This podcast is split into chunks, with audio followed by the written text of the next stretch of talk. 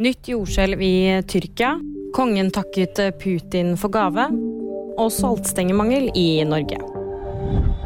Det har gått et nytt jordskjelv i Tyrkia. Skjelvets episenter skal være i Antakya, og det hadde en styrke på 6,3. Ifølge vitner nyhetsbyrået Reuters har snakket med, kunne skjelvet også merkes i Syria, Egypt og Libanon. Antakya var et av de hardest rammede områdene etter jordskjelvet 6.2, og byen ligger nær grensen til Syria.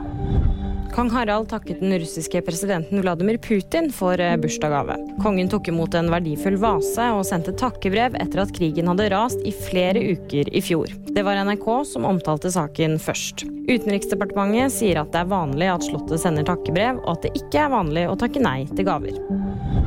Nå er det mangel på saltstenger i Norge. Det er vanskelig å finne klassikeren Soletti saltstenger i butikken om dagen. Det er fabrikken i Østerrike som har hatt leveringsutfordringer, sier presseansvarlig i Mårud til din side. Og VG-nyhetene de fikk du av meg, Kaja Marie Andreassen.